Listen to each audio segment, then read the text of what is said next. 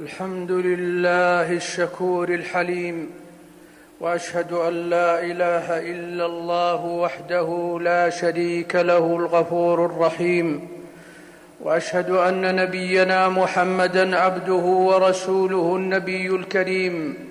اللهم صل وسلم وبارك عليه وعلى آله وأصحابه الذين فازوا برضا الملك العليم. أما بعد فيا أيها الناس اتقوا الله حق التقوى واستمسكوا من الإسلام بالعروة الوثقى تفوزوا دنيا وأخرى. أيها المسلمون إن أعظم نعم الله علينا أن هدانا لهذا الدين وجعلنا مسلمين قال جل وعلا واذكروا نعمة الله عليكم وميثاقه الذي واثقكم به إذ قلتم إذ قلتم سمعنا واطانا واتقوا الله إن الله عليم بذات الصدور. فيا من أنعم الله عليهم بإتمام حجهم ويا من من الله عليهم بسائر الطاعات في مواسم الخيرات. اشكروا الله جل وعلا على هذه النعم واستقيموا على لزوم دينه وشرعه واستقيموا على لزوم دينه وشرعه والبعد عن عصيانه وتجاوز حدوده. قال ربكم جل وعلا فاستقم فاستقم كما أمرت ومن تاب معك ولا تطغوا إنه بما تعملون بصير. وعن سفيان بن عبد الله الثقفي رضي الله عنه قال قلت يا رسول الله قل لي في الإسلام قولا لا أسأل عنه أحدا بعدك. فقال رسول الله صلى الله عليه وسلم له قل آمنت بالله ثم استقم رواه مسلم. إن وظيفة المسلم في هذه الحياة الفانية الاستقامة على توحيد الله جل وعلا وإفراد العبادات كلها له وحده دعاء ومساله رهبه ورغبة رجاء وخوفا قولا وفعلا قلبا وقالبا ظاهرا وباطنا. قال جل وعلا قل إن صلاتي ونسكي ومحياي ومماتي لله رب العالمين لا شريك له. وبذلك أمرت وأنا أول المسلمين. إنها الاستقامة إنها الاستقامة التي تجعلك في غاية الحب لخالقك جل وعلا مع كمال الذل له وتمام التعظيم له عز شأنه. إنه التعظيم المتضمن إفراد الله جل وعلا جل ثناؤه وتقدست أسماؤه إفراده بما يختص به سبحانه من الربوبية والألوهية والأسماء والصفات. قال جل وعلا اتبعوا ما أنزل إليكم من ربكم ولا تتبعوا من دونه أولياء.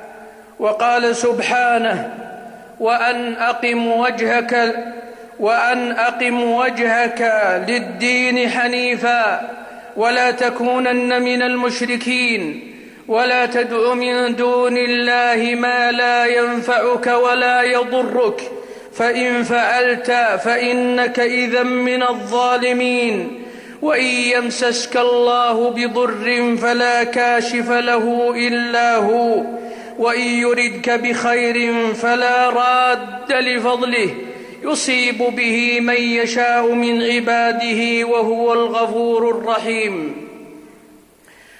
قال صلى الله عليه وسلم احفظ الله يحفظك احفظ الله تجده تجاهك.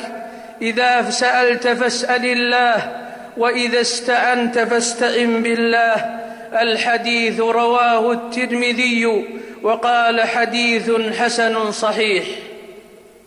معاشر المسلمين الاستقامة المنجية للعباد هي التي تجعل العبد خاشعا أمام عظمة الله جل وعلا والتي تتضاءل أمامها كل عظمة فالمخلوق مهما كانت منزلته وعلت مرتبته فهو مخلوق مربوب مملوك مدبر. قال سبحانه جل وعلا عن رسوله صلى الله عليه وسلم أفضل الخلق أجمعين. قل, إن قل لا أملك لنفسي نفعا ولا ضرا إلا ما شاء الله. ولو كنت أعلم الغيب لاستكثرت من الخير وما مسني السوء إن أنا إلا نذير وبشير لقوم يؤمنون.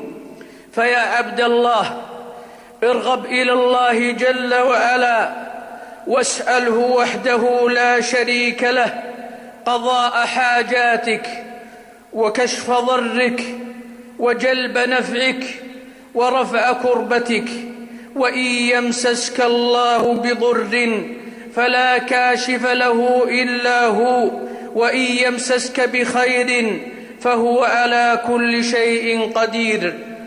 وقال جل وعلا أمن يجيب المضطر إذا دعاه ويكشف السوء ويجعلكم خلفاء الأرض. أإله مع الله قليلا ما تذكرون.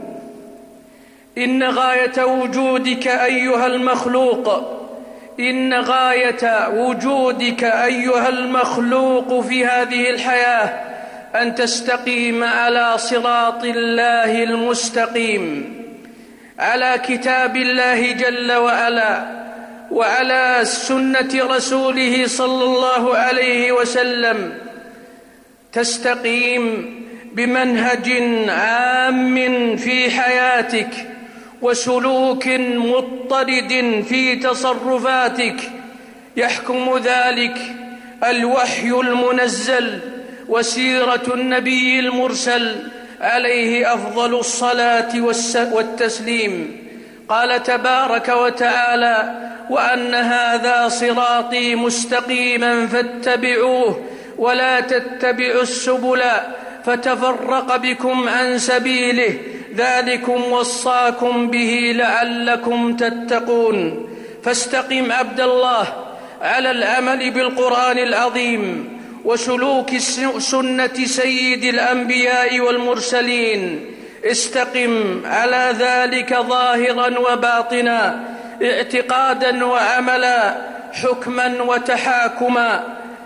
يقول جل وعلا واتبع ما يوحى إليك واصبر حتى يحكم الله وهو خير الحاكمين. فلذلك فادع واستقم كما أمرت ولا تتبع أهواءهم وقل آمنت بما أنزل الله من كتاب. والزم أيها المؤمن حدود الله في هذه الحياة وأخلص له العمل ووحده بالإرادة والقصد والطلب تكن في سعادة دائمة وأمان تام وفلاح عظيم. تكن دنيا وأخرى من أطيب الناس عيشا وأنعمهم بالا وأسرهم حالا. قال جل وعلا إن الذين قالوا ربنا الله ثم استقاموا فلا خوف عليهم ولا هم يحزنون. أولئك أصحاب الجنة خالدين فيها جزاء بما كانوا يعملون. يا من ضيع مواسم الخيرات وأسرف, وأسرف على نفسه بالذنوب والموبقات عد إلى مولاك. عد إلى مولاك واسمع إلى ما, إلى ما يبعث في قلبك الأمل والرجاء. كن على, كن على ذلك بسمع يلامس أوتار قلبك. إنه نداء إلهي ينبض رحمة وودا وودا لعباده. إنه نداء رباني رفيق بالعباد. مهما عظمت ذنوبهم وكثرت سيئاتهم يقول جل وعلا قل يا عبادي الذين أسرفوا على أنفسهم لا تقنطوا من رحمة الله إن الله يغفر الذنوب جميعا إنه هو الغفور الرحيم ثم إن ربنا جل وعلا بعد هذا النداء العظيم يحثنا ويرغبنا على الإنابة والأوبة قبل فوات الأوان وضياع الأزمان. حينئذ لا تنف... حينئذ تقع الحسرة والندم في التفريط في طاعة الرحمن. والتقرب إلى المنان. يقول جل وعلا بعد هذه الآية وأنيبوا إلى ربكم وأسلموا له من قبل أن يأتيكم العذاب ثم لا تنصرون. واتبعوا أحسن ما أنزل إليكم من ربكم من قبل أن يأتيكم العذاب بغتة وأنتم لا تشعرون. اللهم ارزقنا اللهم ارزقنا الإنابة والتوبة إليك. يا ذا الجلال والإكرام. أقول هذا القول وأستغفر الله لي ولكم ولسائر المسلمين من كل ذنب فاستغفروه إنه هو الغفور الرحيم. الحمد لله وحده والصلاة والسلام على من لا نبي بعده. أما بعد فيا أيها المسلمون أوصيكم ونفسي بتقوى الله جل وعلا. عباد الله استقيموا على طاعة الله تفلحوا. الزموا توجيهات القرآن والسنة تسعدوا. فالعز فالعزة والسؤدد في لزوم دين الله واتباع سنة سيد الأنبياء والمرسلين عليه أفضل الصلاة والتسليم. والعاقبة الحسنة في تحقيق التوحيد وطاعة العزيز المجيد قال جل وعلا الذين آمنوا ولم يلبسوا إيمانهم بظلم أولئك لهم الأمن وهم مهتدون. والذلة والهوان والخزي والخسران في المعاصي والسيئات ومخالفة الأوامر والمنهيات. قال جل وعلا ومن يعص الله ورسوله ويتعد حدوده يدخله, يدخله نارا خالدا فيها وله عذاب مهين. ثم إن من أفضل الأعمال الصلاة والسلام على النبي الكريم. اللهم صل وسلم وبارك على نبينا وحبيبنا محمد. وارض اللهم عن الخلفاء الراشدين وعن الآل والصحابة أجمعين وعن التابعين ومن تبعهم بإحسان إلى يوم الدين. اللهم اغفر للمؤمنين والمؤمنات والمسلمين والمسلمات الأحياء منهم والأموات. اللهم أصلح أحوالنا وأحوال المسلمين. اللهم فرج همومهم ونفس كرباتهم واشف مريضهم واغن فقيرهم. اللهم ألف بين قلوبهم. اللهم اجمع كلمتهم على الحق والتقوى. اللهم وحد صفهم. اللهم من عليهم بلزوم القرآن والسنة يا ذا الجلال والإكرام. اللهم من أراد المسلمين بسوء فأشغله في نفسه. اللهم من أراد المسلمين بسوء فأشغله في نفسه. اللهم من أراد المسلمين بسوء فأشغله في نفسه. واجعل تدميره تدبيره. اللهم عليك به فإنه لا يعجزك. اللهم عليك به فإنه لا يعجزك.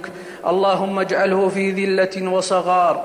اللهم اجعله في ذلة وصغار. يا حي يا قيوم يا ذا الجلال والإكرام. اللهم وفق ولي أمرنا لما تحب وترضاه. اللهم وفقه ونائبه للعمل برضاك. يا حي يا قيوم اللهم وفق جميع ولاة أمور المسلمين لما فيه خير رعاياهم اللهم آتنا في الدنيا حسنة وفي الآخرة حسنة وقنا عذاب النار. اللهم تقبل منا طاعاتنا اللهم تقبل منا طاعاتنا وكفر عنا سيئاتنا. اللهم ارفع درجاتنا اللهم ارفع درجاتنا اللهم أرضنا وارض عنا اللهم أرضنا وارض وارض عنا اللهم أرضنا وارض عنا يا حي يا قيوم. اللهم سلم الحجاج والمؤتمرين وردهم إلى بلادهم غانمين يا حي يا قيوم. اللهم ردهم إلى بلادهم غانمين سالمين يا حي يا قيوم. اللهم اقض حوائجنا وحوائجهم اللهم اقض حوائجنا وحوائجهم وحوائج المسلمين يا ذا الجلال والإكرام يا ذا يا أرحم الراحمين. اللهم وفقنا لما تحبه وترضاه. اللهم وفقنا لما تحبه وترضاه. وآخر دعوانا أن الحمد لله رب العالمين.